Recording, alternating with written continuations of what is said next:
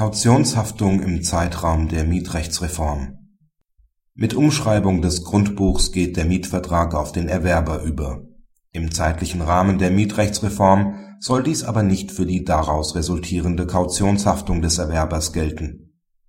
Der Beklagte schloss im Mai 2001 einen Kaufvertrag über ein an die Klägerin seit 1996 vermietetes Grundstück.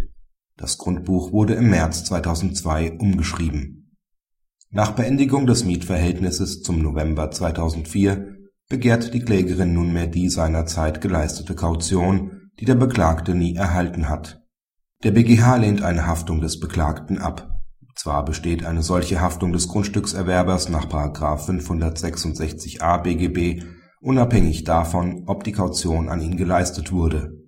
Voraussetzung dafür ist, dass zum Zeitpunkt des Eigentumsübergangs das Mietverhältnis noch nicht beendet ist im Übergangszeitraum hinsichtlich des Inkrafttretens der Mietrechtsreform zum 1.9.2001 gilt dies allerdings nicht, wenn das schuldrechtliche Rechtsgeschäft vor diesem Termin abgeschlossen worden ist.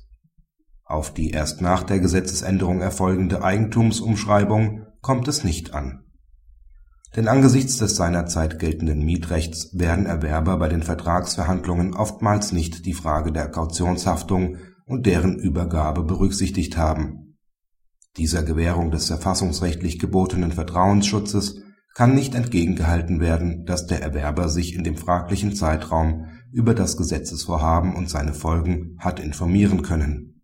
Bei einer hingegen am Willen des Gesetzgebers orientierten Auslegung hat sich der zeitliche Anwendungsbereich des § 566a BGB immer am Einzelfall zu orientieren, so dass generelle Aussagen nicht möglich sind Ausblick Die Entscheidung erscheint bedenklich.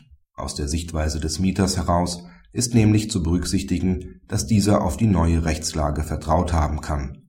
Möglicherweise hat ihn die Erwartung der Haftung des Erwerbers nach § 566a BGB dazu bewogen, von weiteren Absicherungen seiner Kaution abzusehen er hätte nämlich ansonsten möglicherweise einen Teil der Miete bis zum Nachweis der ordnungsgemäßen Anlage seiner Sicherheitsleistung zurückhalten können und dürfen.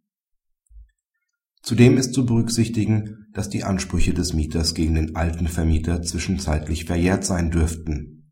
Ein Schaden ist ihm vorliegend nunmehr deshalb nur nicht entstanden, weil über das Vermögen des ehemaligen Vermieters bereits ein Gesamtvollstreckungsverfahren eröffnet worden war so dass die Realisierung der Forderung bezüglich der Kaution diesem gegenüber voraussichtlich ohnehin gescheitert wäre. Das Abstellen auf das schuldrechtliche Rechtsgeschäft erscheint auch nicht zwingend. Auch § 566 BGB knüpft nur an die dingliche Rechtsänderung an.